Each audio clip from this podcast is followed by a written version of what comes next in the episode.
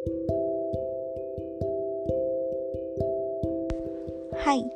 nama aku Vina Indah. Podcast ini nanti isinya tentang cerita. Cerita tentang aku, kamu, dan mereka.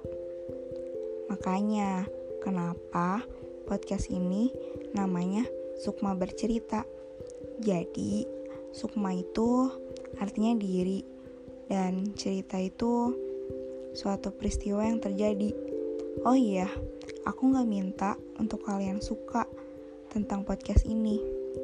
Untuk didengar dan dimengerti saja itu cukup bagiku.